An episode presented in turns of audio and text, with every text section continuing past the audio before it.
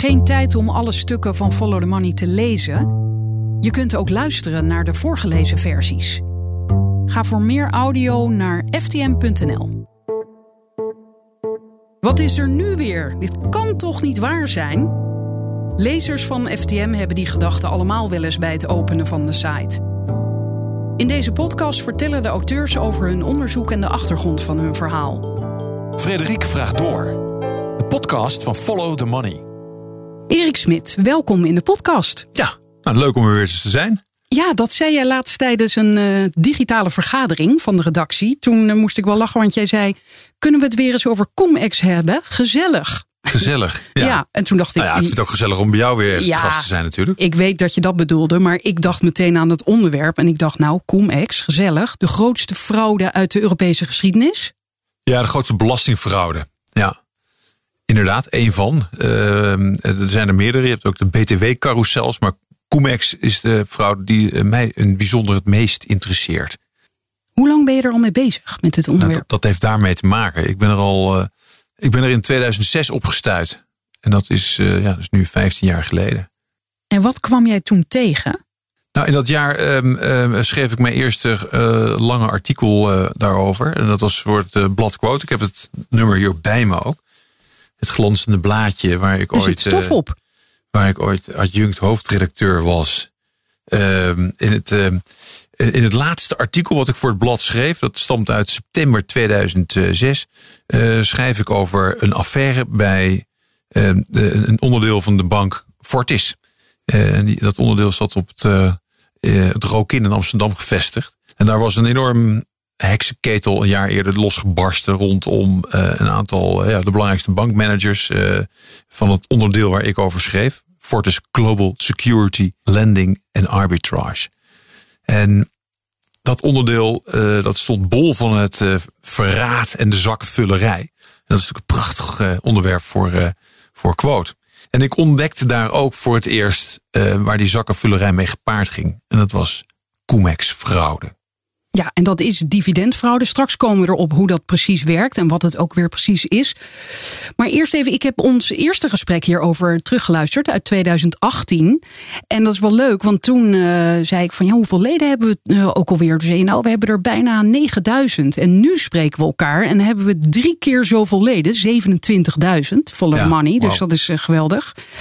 En dit is ook de week waarin Follow the Money weer een paar tegels heeft gewonnen, journalistieke prijzen. En ook gelicht. Tegels lichten, ja, maar dat gebeurt wel vaker. Dat gebeurt ook vaker. Maar het is niet elke week dat je dan ook weer met het middelpunt van de belangstelling staat met tegels lichten. Dat gebeurde ook deze week. Maar het is eh, inderdaad leuk omdat eh, ook rondom Cumex natuurlijk vandaag weer toevallig eh, nu ze in de studio zitten iets meer aan de hand is met een hoofdrolspeler uit dat dossier. Ja, daar komen we zo op. Want ik wil eerst inderdaad even er, het, wat me opviel onder een van de artikelen in het dossier. Want dit gesprek is eigenlijk een update van waar staan we nu Ja. met Cumex. Eh 41 artikelen inmiddels al. En één eh, lid van Follow the Money schrijft onder een van die vele artikelen. Topartikel, blijf bijten. Het gaat om miljarden en juist daardoor wordt het abstract. Toen, Ja. Daar heb ik een paar dagen over nagedacht. Van hoe, hoe kan dat nou eigenlijk? Want vandaag zei ik ook nog even tegen iemand van ja, ik ga een podcast opnemen. Ja, grootste fraude uit de Europese geschiedenis. Wat? Oké, jij zegt grootste belastingfraude.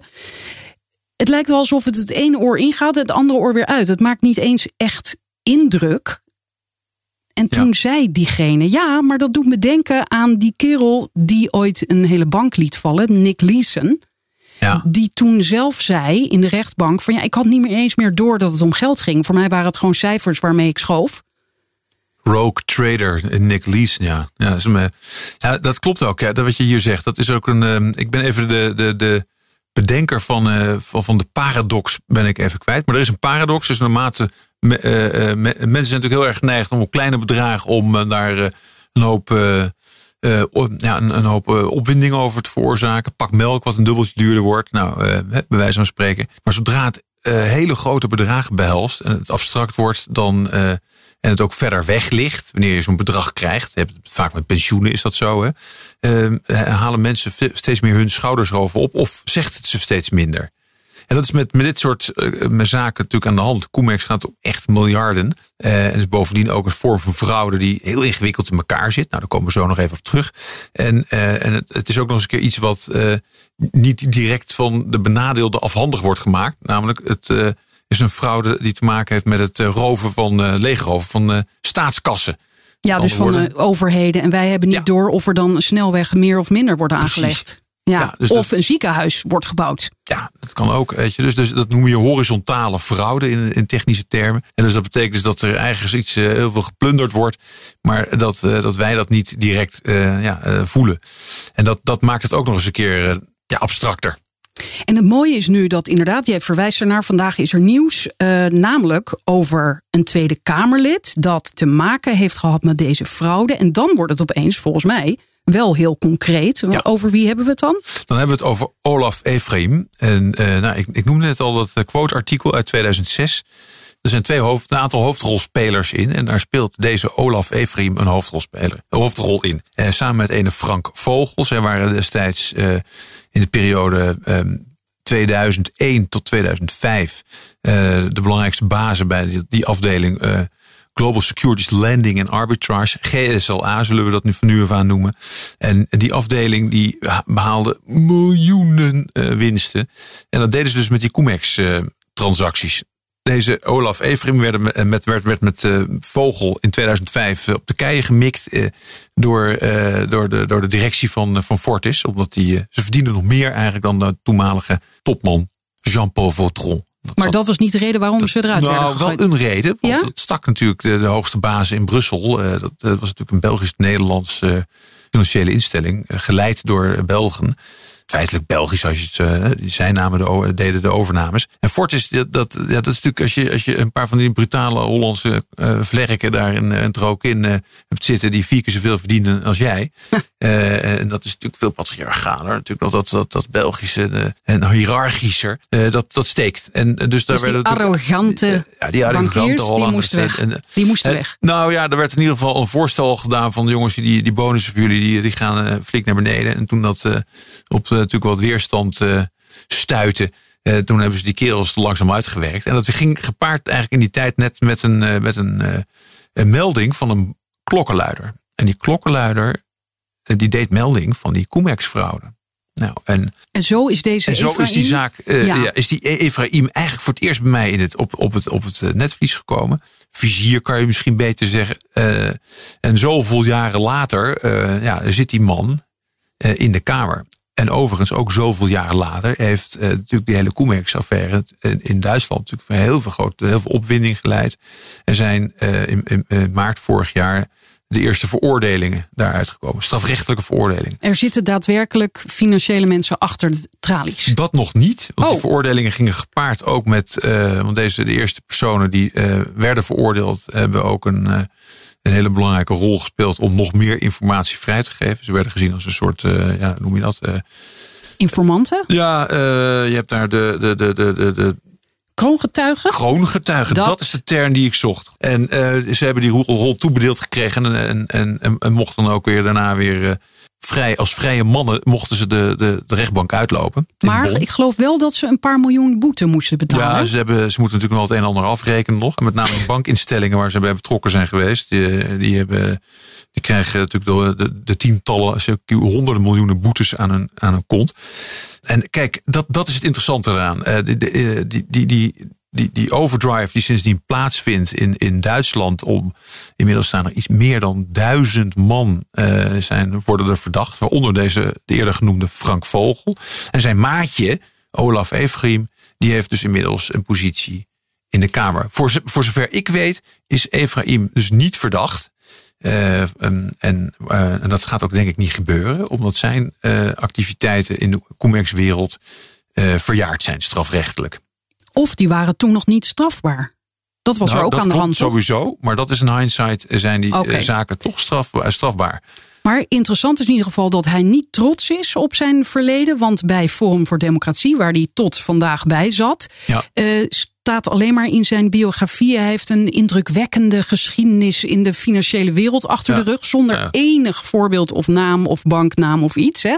Nou, dat, dat zegt al wat, lijkt me. Nou ja, goed. hij heeft zijn vermogen verdiend uh, als, uh, als handelaar in Comex. Ja, maar dat zeg jij dus. Maar dat zegt hij zelf niet. Nee, dat, dat, dat, ik denk dat hij dat liever niet precies benoemt. Maar uh, blijkelijk is uh, het Forum, Forum voor Democratie er toch heel erg trots op. Dat hij daarmee zijn geld heeft verdiend. Maar goed, hij is nu opgestapt samen met uh, huisjesmelker Wieberen van Haga. Zetelrover is die ook, hè? Ja, dat wordt nu ook weer gezegd. Dat is een uh, beroepsmatig zetelrover. Dat kwam al uit bij de VVD. Deed hij dat ook al, dat trucje nu weer. Ja, zetelrover, huisjesmelker. Nou ja, dat moet Wieberen zelf maar even uitzoeken wat hij, wat, het, wat hij met de rest van zijn leven wil. Voorlopig even in de Kamer blijven dus. Samen met de voormalige cum-ex-fraudeur, zeg ik er nadrukkelijk bij, Olaf Efraim. Hij is natuurlijk nog geen veroordeeld fraudeur, maar hij heeft deze frauduleuze transacties feitelijk ondernomen. Dat staat als een paal boven water. Het is ook best wel risicovol dat wij dat hebben beweerd. Hè? Want wij hebben hem ook echt als de, de uh, in een groot verhaal. Samen met Siem Eikelenboom hebben wij dat gedaan. Hebben wij hem ook als uh, de, de, de, de fraudebankier van Forum hebben we uh, geportretteerd vorig jaar. En, en de geestelijk vader van de Comex. Ja, maar dat heeft hij ook dat heeft hij zelf gezegd. Oh, ja, oké. Ja, dat is dan weer het, uh, het feit daarom, waar we dat aan kunnen ophangen. Want de heren, hij en Frank Vogel, waren er ooit trots op dat ze deze transacties ondernamen. Er is natuurlijk inmiddels een hoop gebeurd sinds 2006. Ja, maar nog, sorry, nog even. Want uh, checken jullie zoiets dan bij een advocaat? Van kunnen wij dit zo zeggen? Uh, ja, dat uh, controleren we wel even. Ja, ja, dat is, Just to be sure. nou ja, goh, uh, ik, ik loop natuurlijk ook wel uh, wat jaartjes mee inmiddels. kijk, het, het, het, het, gaat er nu om. Is, klopt het dat deze heren deze fraudeleuze, deze transacties hebben ondernomen? Comex transacties. Nou, dat staat als een paal boven water. Klopt het dat deze transacties fraudeleus zijn inmiddels? Voor de wet in Duitsland? Dat staat ook als een paal boven water. En niet alleen in Duitsland, ook in Denemarken, ook in België. Andere landen ook mee bezig om het helemaal definitief uh, tot uh, een, financiële misdaad te, te, te, te, krijgen in het wetboek van strafrecht. Dus dat, dat, dat is iets wat onomkeerbaar is. En dat maakt het natuurlijk dat we deze mensen gewoon ja, fraudeurs kunnen noemen. Oké, nu is het moment om even uit te gaan leggen wat het ook weer is en hoe het werkt. Eerder sprak ik ook Siem, Siem Eikelenboom, waarmee jij samen dit dossier beheert en waarmee je samen onderzoek doet. En in een vorige podcast vroeg ik hem, uh, wat is dat nou ook weer, die cum-ex?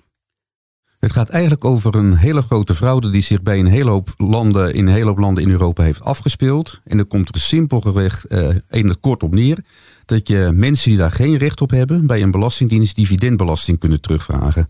En dat, is, dat heeft zich jaren en jaren heeft zich dat voortgesleept, waardoor het nadeel voor een aantal belastingdiensten in Europa is opgelopen tot echt vele, vele miljarden. Er is een, een Duitse hoogleraar geweest, die heeft een, alles uitgezocht en die komt op een, eh, een, getal van 55 miljard ten nadele van een reeks belastingdiensten. En dus van de burgers? Precies, van de belastingdienst, dat zijn jij en ik en iedereen die luistert. En kan je iets over die truc uitleggen of is dat te ingewikkeld? Dat is vrij ingewikkeld, maar het komt er inderdaad op neer dat jij een structuur moet opzetten, waardoor je wel dividendbelasting kunt uh, terugvragen. Ik zal hem heel simpel bij Nederland. Nederland heeft, een praat inmiddels is 15% maar een tijd terug, had Nederland een dividendbelasting van 25%. Hoe zit dat? Heel simpel, je hebt bijvoorbeeld een aandeel in een Nederlands beursgenoteerd bedrijf. Dus laten we mij even als voorbeeld nemen. Ik heb aandelen in Nederland. Je hebt, aan, ja, je hebt aandelen in Nederland. Op een gegeven moment komt dan de, uh, is er aandeelhoudersvergadering. Dat is meestal aan het begin van het jaar. En op die aandeelhoudersvergadering wordt besloten hoeveel winst dat dividend of dat aandeel heeft opgeleverd. Die winst wordt zeg maar dividend genoemd. Dus je krijgt, je verdient op jouw aandeel. Stel dat jij bijvoorbeeld op jouw aandeel dat de dividend 2 euro is. Op dat moment is zeg maar de bank, dat is een custodian heet dat, die uh, keert het allemaal uit. Die houdt dan 25% in en die geeft het af aan de Belastingdienst. Jij ontvangt dus 1,50, 50 cent gaat naar de fiscus. Over deze afrekening krijg jij een zogenaamde dividendnota. Met die dividendnota in de hand kun je aan het einde van het jaar naar de Belastingdienst gaan en zeggen: Joh, jullie hebben toen 50 cent ingehouden op mijn dividend, dat geld wil ik terug.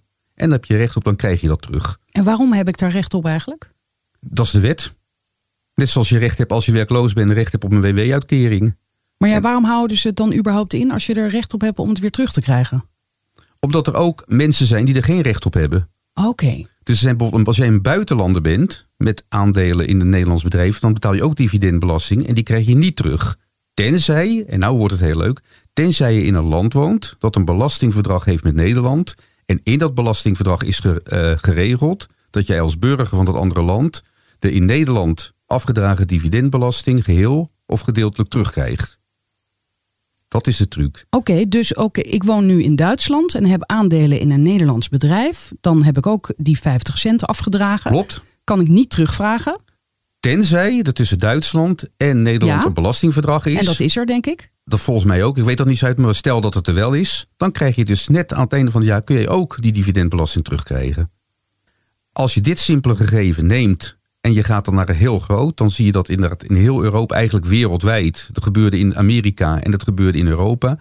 Dan zie je dat handelaren, beurshandelaren, market makers, zoals ze heten, financiële instellingen, hele ingenieuze eh, trucs hebben bedacht om bij belastingdiensten, die dus dividendbelasting inhouden, om daar dividend terug te vragen waar ze eigenlijk geen recht op hebben. En er zijn allemaal trucs. Het gebeurde ook dat dividend werd teruggevraagd terwijl dividend nooit wat af, was afgedragen. Maar het gebeurde ook waren er trucs dat dividend wel was afgedragen, maar dat ze twee keer terugvroegen. En de belastingdiensten hadden dit niet in de gaten. Nee, het klinkt absurd, maar die hadden tot voor kort eigenlijk niet in de gaten. De, het klinkt gek, maar de eerste belastingdienst die dat wel in de gaten had, dat waren de Nederlanders. Nederland heeft als eerste, en dat is in 2001, een antidividendstripwet ingevoerd. Waardoor ze dachten dat het dividendstrip hier onmogelijk zou gaan worden. Is niet helemaal gelukt. Er zijn sindsdien ook nog wel een aantal affaires geweest. Maar het is een feit dat in die Comex-fraude, ik zei het net al, dat er 55 miljard het nadeel is. Nederland eigenlijk behoorlijk goed is weggekomen. Dankzij die wet. Dankzij die wet, toch wel, ja. Ja, tot zover Siem in een vorige aflevering. Dus, dus het is een heel systeem, blijkt hieruit, opgetuigd door handelaren en banken. Ja, ja en er zijn eh, dan handelaren, CQ, eh, afdelingen bij banken die, die, die zeg maar, deze transacties initiëren. Want je hebt wel meerdere partners nodig. Eh, en, eh, nou, we, daar stuitte ik dus ook in, in, in 2006 op. Dat, eh, dat ik dat systeem kreeg uitgelegd. En daar zag ik een eh eh, Fortis dat eh, daarbij eh, zaken deed met een, eh, met een Duitse handelsbank. eh, dat, eh, de Landesbank bedoel ik. Dat is een eh, overheidsbank in, in, in Noord-Rijn-Westfalen. West-LB heette die.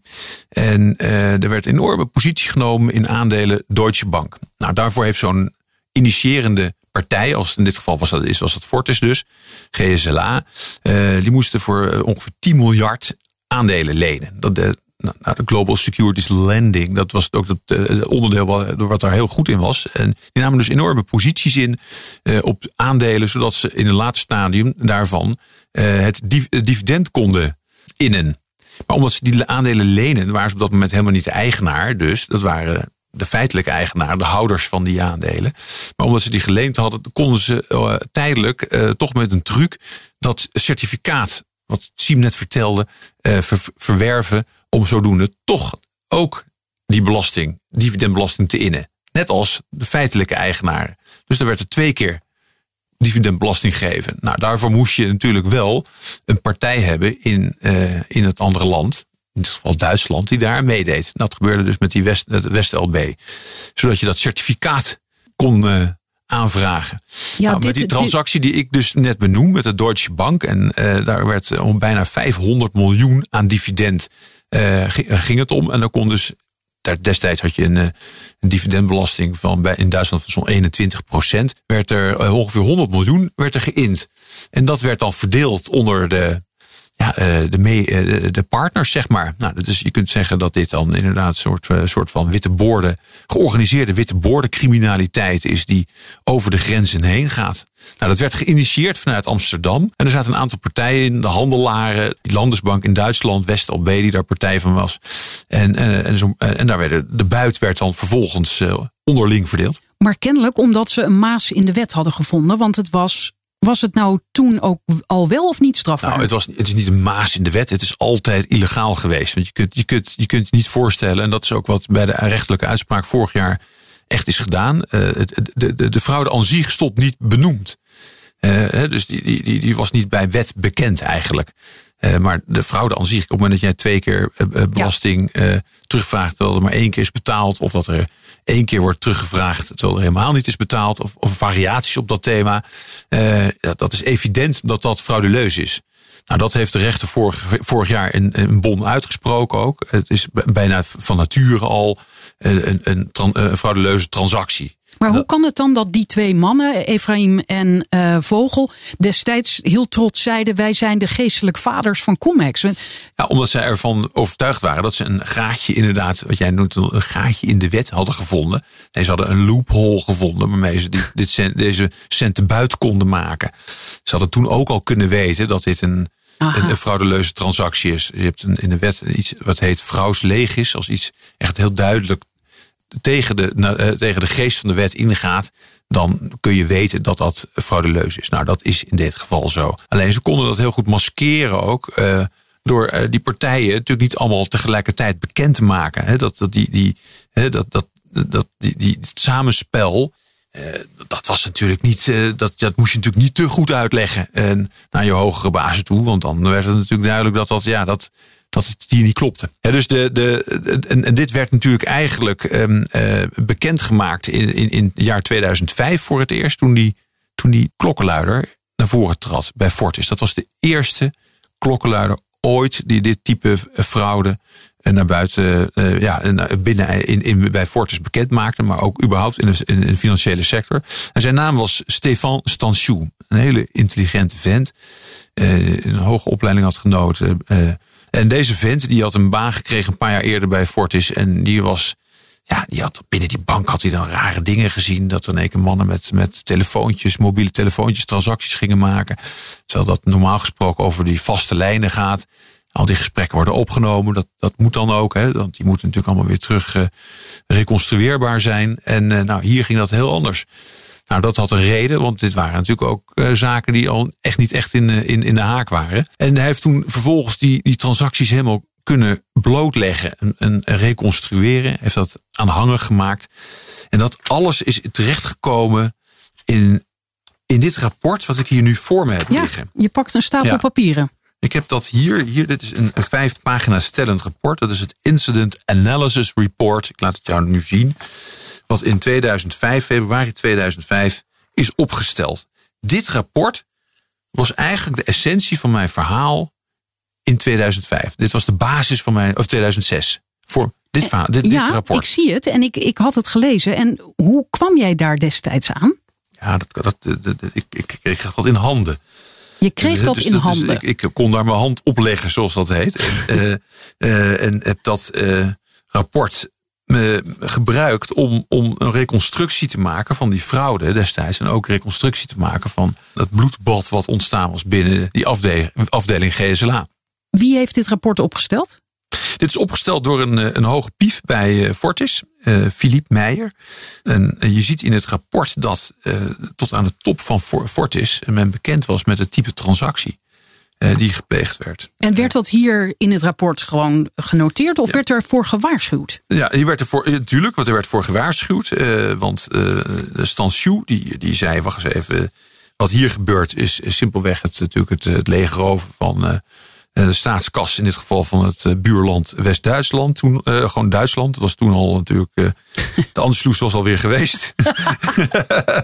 uh, he, um, ik ben van het oude, oude stempel. Het, West- en Oost-Duitsland. Ik, kom, ik ben van, ik ben van 67. Alles. Dus dat verraadt mij natuurlijk. Geeft mij mijn, mijn leeftijd een beetje weg.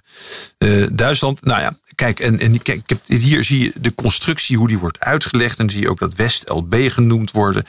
En ja, ik en zie dat Fortis GSLA, nou ja, wat hier allemaal uit blijkt, is hoe die constructie is opgesteld en, en hoe uh, die verdiensten zijn.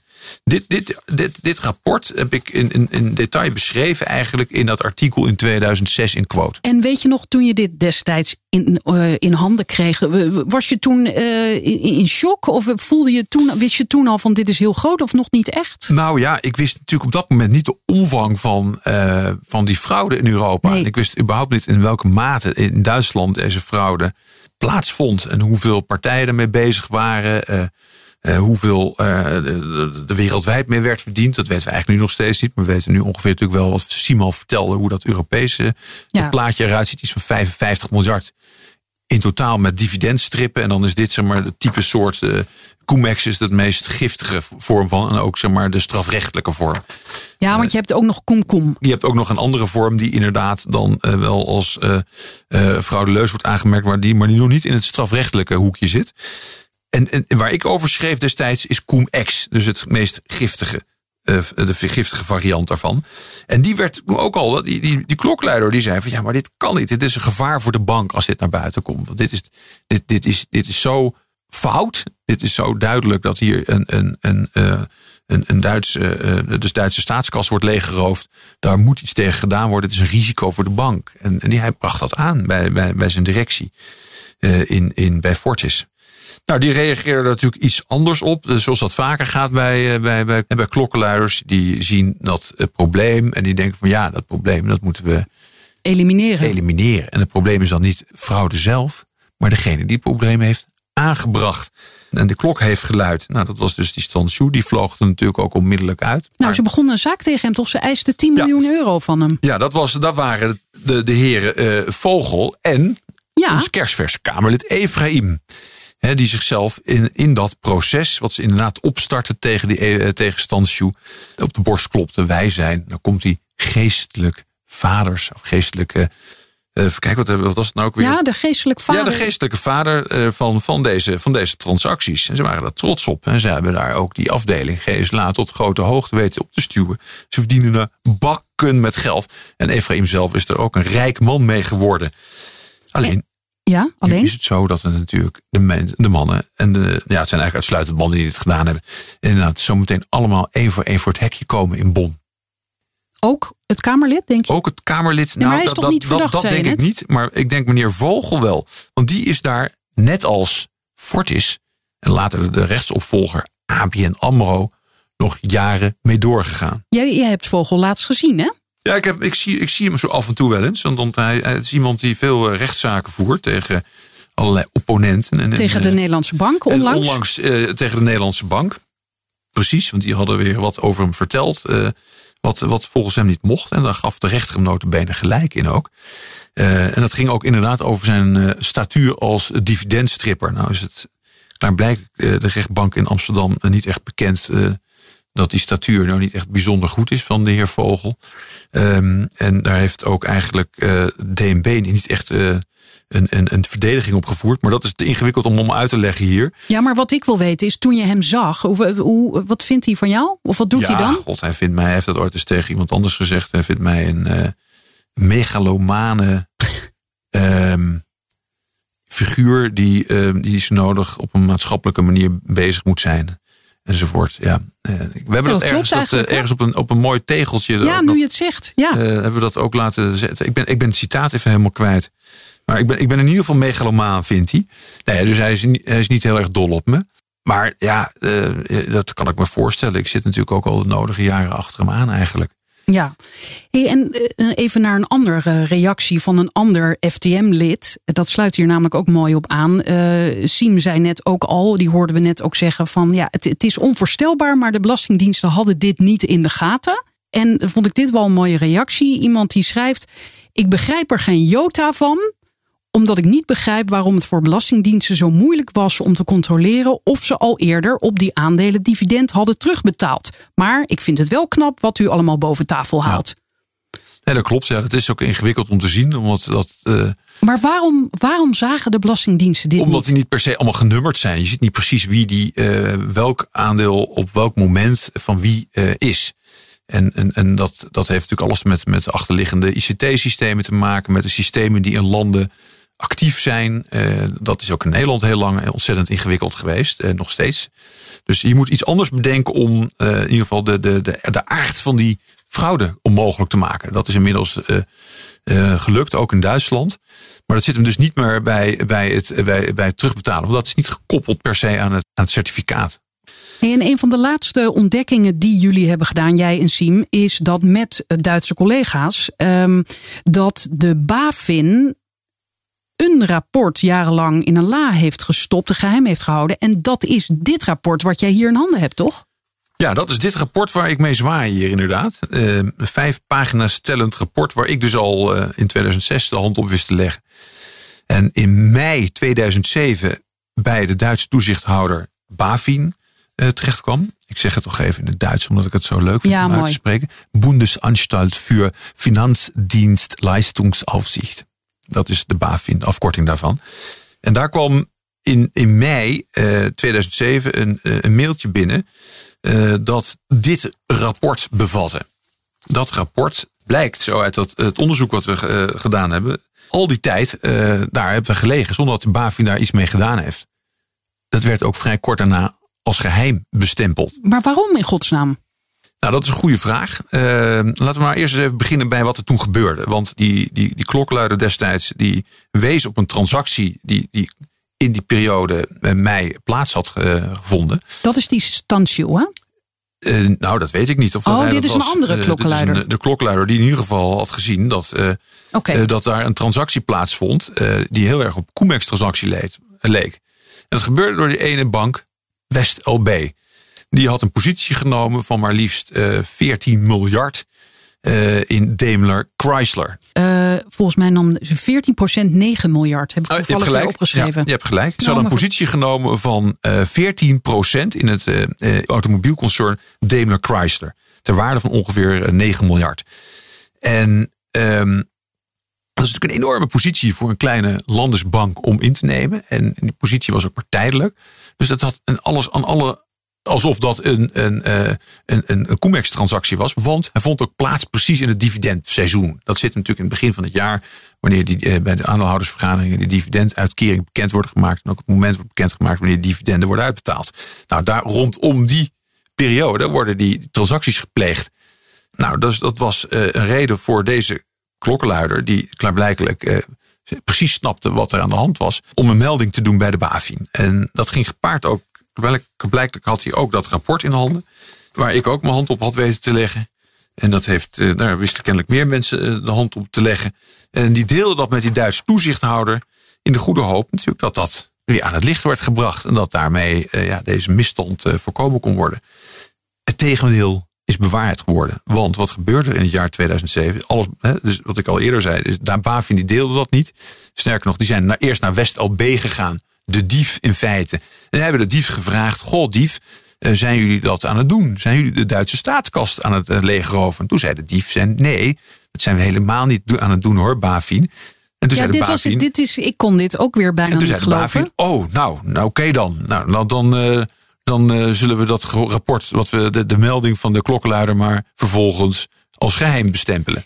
En dan denk je even, dit is een uitzondering. Maar nee, want bij eh, Wirecard is dit ook gebeurd. Hè? Dat heeft weer verteld. eh, negen jaar, eh, inderdaad. Daar is dat ook gebeurd, negen à tien jaar Waarbij verder. ze zelf, dus een journalist van de Financial Times, die Ja. bracht van alles naar buiten. En toen gingen ze geen onderzoek beginnen, maar gingen ze even vragen aan Wirecard: klopt het dat er van alles niet klopt bij jullie? Nee hoor, niks aan de hand. Oké, bedankt, dag. Dan gaan we weer verder. Nou, dan gaan we verder. We gaan een onderzoek doen naar wat er buiten, buiten hier aan de hand is. Dat ze eventueel in, onderzoek instellen naar de journalist zelfs. Ja, ja, precies. Die is geschaduwd, gevolgd. Ja, dus dat eh, is, dat is precies de omkering, eigenlijk eh, het omgekeerde wat je zou verwachten dat zou moeten plaatsvinden. En dat, en mensen vragen mij dat natuurlijk ook, hoe kan dit in godsnaam? En ik denk dat het heel erg veel te maken heeft met ja, de mentaliteit van, van toezichthouders, met, met de cultuur die daar plaats vindt, heeft. maar die is die heerst. specifiek voor Duitsland? Nee hoor, dat, dat, heb, dat heb je hier ook.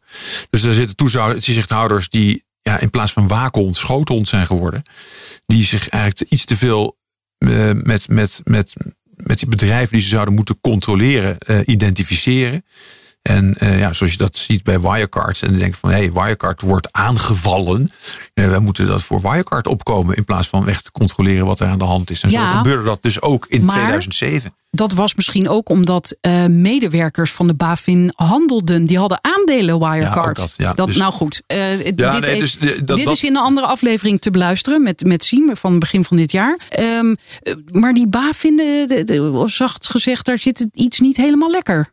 Nee, dus daar is natuurlijk ook afgelopen jaar natuurlijk die topman opgestapt. En dit is natuurlijk eh, eh, naar, aanleiding van, van dat Bafin, of het Wirecard-schandaal. En nu heb ik met Duitse krant eh Süddeutsche Zeitung en de Westdeutsche Rundfunk hebben wij ja, dit oude schandaal nog eens boven water gehaald. Want toen ik met, met mijn Duitse collega's in aanraking kwam, kregen zij weer uh, een tip binnen dat het mogelijk zou kunnen zijn dat uh, vanuit mijn onderzoek, wat ik ook al inmiddels al met hen had gedeeld, hè, dat praat ik weer over dat quote-verhaal, waar dat in, uh, Incident Analysis Report in werd genoemd. Zij dachten van, hé, hey, wacht eens even. Dat Incident Analysis Report, dat kon wel eens het rapport zijn wat in 2007 bij de BaFin terecht is gekomen. Nou, dat zijn wij gaan onderzoeken.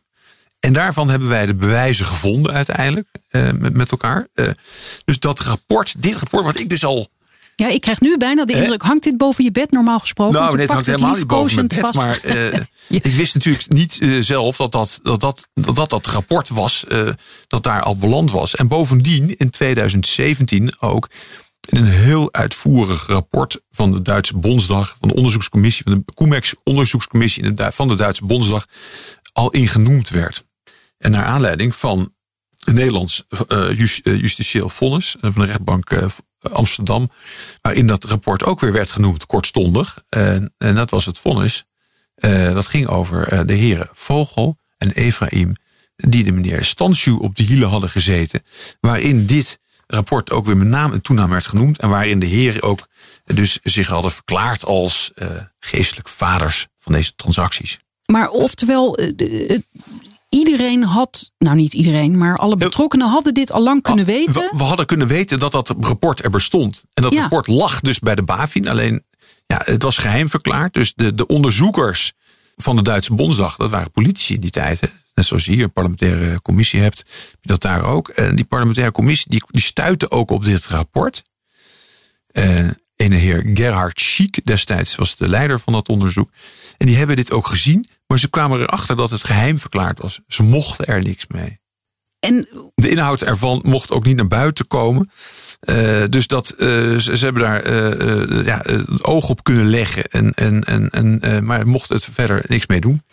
De BaFin heeft daar ook over gezegd: ja, ook al hadden we iets willen doen, wij mochten in die tijd geen informatie verstrekken, bijvoorbeeld aan de Belastingdienst, in verband met het bankgeheim.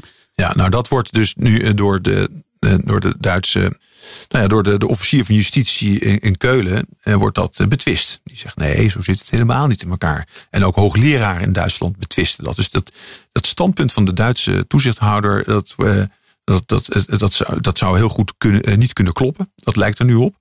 Dat, ik bedoel, ik ben niet een Duitse rechter, dus daar zou misschien nog eens een keer een, een echt een definitief vonnis over geveld moeten worden. Dat ga ik natuurlijk niet doen. Maar het, het heeft er alle schijn van dat de BaFin natuurlijk iets heeft gedaan wat niet in de haak was. En uh, ja, vooral het voordeel was destijds van die bank WestLB. Ja, maar even, de directeur is al opgestapt. Uh, wat kan de BaFin nog meer doen als dit inderdaad waar blijkt?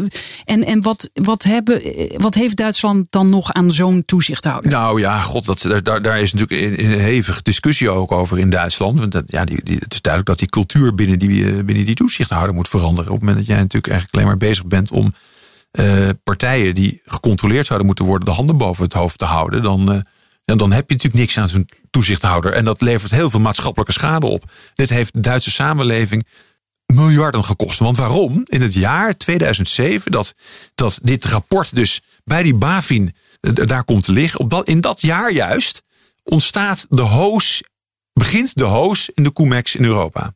En vooral Duitsland. Vanaf dat moment, vanaf dat jaar, worden er uh, de een en de andere bank wordt actief in die handel. En dat heeft, nou, ja, dat heeft er heel veel mee te maken ook dat het voor een jaar eerder, dus uh, anderhalf jaar eerder, dat publiek is geworden in de Nederlandse pers. Een van de grootste verdachten, een van de belangrijkste verdachten in het, in, het Duitse Koemek-schandaal, dat is een Nieuw-Zeelander Paul Mora.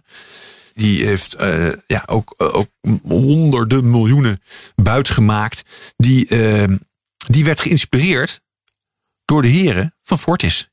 Ongelooflijk. En die man is uh, terug naar Nieuw-Zeeland ja. gegaan. hè? Die is ja. dans ontsprongen. Die, ja, hij of staat niet? nu op een uh, internationale opsporingslijst. Oh ja, dat is het, ja. ja, ja, dus zijn, zijn mugshot stond, uh, die stond begin van dit jaar nog, op, was nog op de Duitse stations en overal te vinden. Dus ja, dat, dat is heel bijzonder. En deze man, die dus op die opsporingslijst is gezet door de Duitse justitie, die, die werd geïnspireerd door Vogel en Ephraim. Want zij zijn uiteindelijk de geestelijke vaders daarvan, van dat spel. Hey, en, en is er op dit moment nog, zijn er nog zulke transacties gaande op dit moment? Nou, het, het, uh, het, is, het is mogelijk. Zo is uh, duidelijk uh, inmiddels. we weten dat. kijk, deze, deze transacties evalueren ook steeds. De trucs die worden steeds anders. Ze, hebben steeds een andere maniertje om, om van hetzelfde principe gebruik te maken. En op die manier die, die dividendbelasting terug te vorderen. Ehm, we weten dat het gat niet compleet dicht is. Dus, maar we hebben nog niet nieuwe transacties kunnen waarnemen. Maar dat, heeft niet met, dat wil niet zeggen dat die er ook niet zijn. Nee. En wat is nou tot nu toe, uh, want toen we elkaar spraken in 2018, toen zei jij, nou, ik verwacht wel dat in ieder geval de minister van Financiën, Wopke Hoekstra, hierop gaat reageren op al deze onthullingen. Heeft hij nou ooit iets hierover gezegd? Nee. Nee. Dat is heel weinig, hè? Ja, dat is heel weinig. Uh, Wopke die, uh, ja, die, heeft, die heeft ook wel andere dingen aan zijn hoofd dan, denk ik, uh, te kijken naar de schade die in Duitsland is ontstaan. Je moet natuurlijk wel vaststellen dat in Nederland natuurlijk uh, de, de schade voor de Belastingdienst vrij beperkt is geweest. Tot miljoenen, hè? Ja, nou, we weten natuurlijk dat dat Koem Koem, die versie van fraude, dat die natuurlijk nog wel even is doorgegaan. Dat, daar, daar wordt ook een Amerikaanse zakenbank hier in Morgan Stanley wordt daarvoor door de Belastingdienst voor vervolgd. Die hebben ook flinke rekening toe, toebedeeld gekregen tientallen miljoenen. Um, waar het Wopke natuurlijk om gaat, is natuurlijk of de Belastingdienst nog groter op, op, op de Coemex-wijze is uh, beschadigd. Dat is hier niet het geval. Uh, niet zoals in ieder geval in Duitsland. En ook later, na 2007, is dat hier ook niet meer gebeurd. Dat weten we. Dus je vindt het dus niet ja, die dat denkt hij... van ja, wij zijn niet ge, gepakt. Ja, dus het is meer een, een, probleem van Duitsland. Maar ja, wij hebben wel, wij huisvesten wel de, de, de grote boeven van destijds. En notabene, eh, een van die grote boeven is eh, ABN AMRO. En daar heeft Wopke Hoekstra als minister van Financiën een belang in. Zeker, nou daar hebben we met z'n allen een belang hebben met z'n allen een belang in. 56 procent. En, het interessante is dat die, dat die ene meneer die, uh, die daar jarenlang de grote baas van is geweest, Gerrit Salm, hè, die is CEO mm -hmm. geweest uh, tot het, 2016 van de staatsbank. En daaronder hem zat Joop Wijn.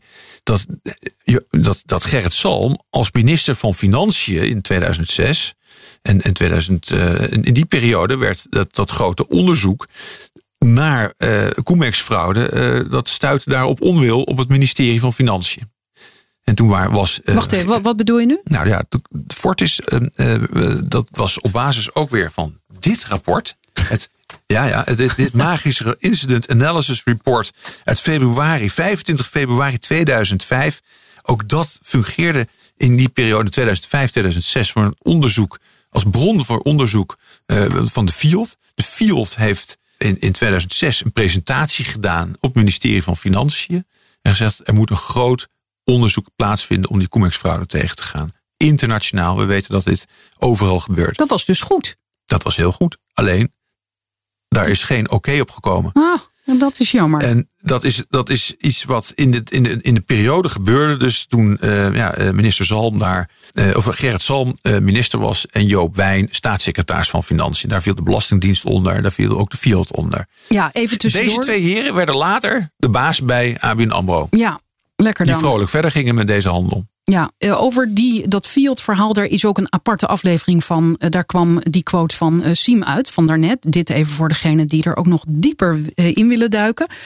Um, er zijn ook meerdere invallen geweest hè, bij ABN AMRO. Ja, er zijn drie invallen geweest in Duitsland uh, bij ABN AMRO. En ze hebben ook ABN AMRO ook in 2014 uh, in Amsterdam uh, in willen vallen. er is toen rechtshulpverzoek geweest van, vanuit Keulen die officier van justitie, Anne Brorilker.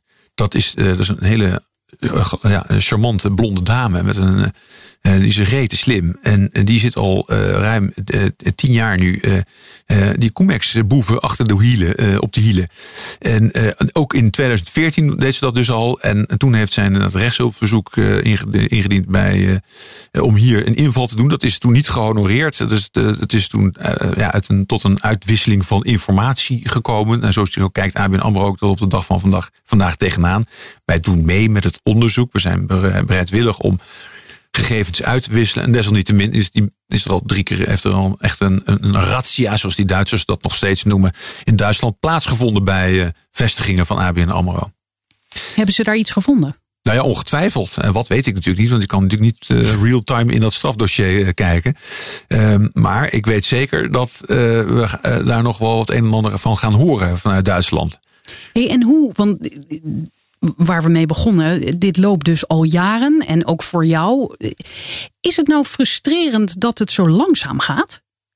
Nou, weet je wat het meest frustrerende voor mij is eigenlijk achteraf, is dat ik weten natuurlijk dat ik dat rapport in mijn handen had in 2006 al. Ehm, en dat ik, dat ik eigenlijk hele vitale kennis had eigenlijk over een fraude die uh, plaatsvond in Duitsland. En tegenwoordig is het natuurlijk heel normaal om samen te werken over de grens met journalisten. Dat was toen helemaal niet. En het geval, maar achteraf denk ik, ja, voel ik me bijna schuldig eigenlijk. Denk, jeetje, wat, ik had eigenlijk veel meer met die kennis moeten doen, actief. Ik had misschien ook toen al actief mijn collega's in Duitsland moeten vertellen over dat verhaal wat, wat waar achter was gekomen. Uh, want als ik dat toen al, al had gedaan, nou ja, dan had ik misschien een bijdrage kunnen leveren om, om die fraude al in een heel vroeg stadium uh, aan te tonen. En Ja. dan had ik iets, ja, dan, ja, dan had ik, ja, ik had, ik had tenslotte dit al in, in mijn handen. Ik had het ook aan journalisten kunnen, toen al kunnen geven. En, en daarmee had misschien die fraude al veel eerder aan het licht gekomen, nou, met alle gevolgen van dien. Dus dat is eigenlijk wel iets wat mij in het hoofd, uh, in, in het hoofd rondzinkt, inderdaad. Denk ja, uh, wat als?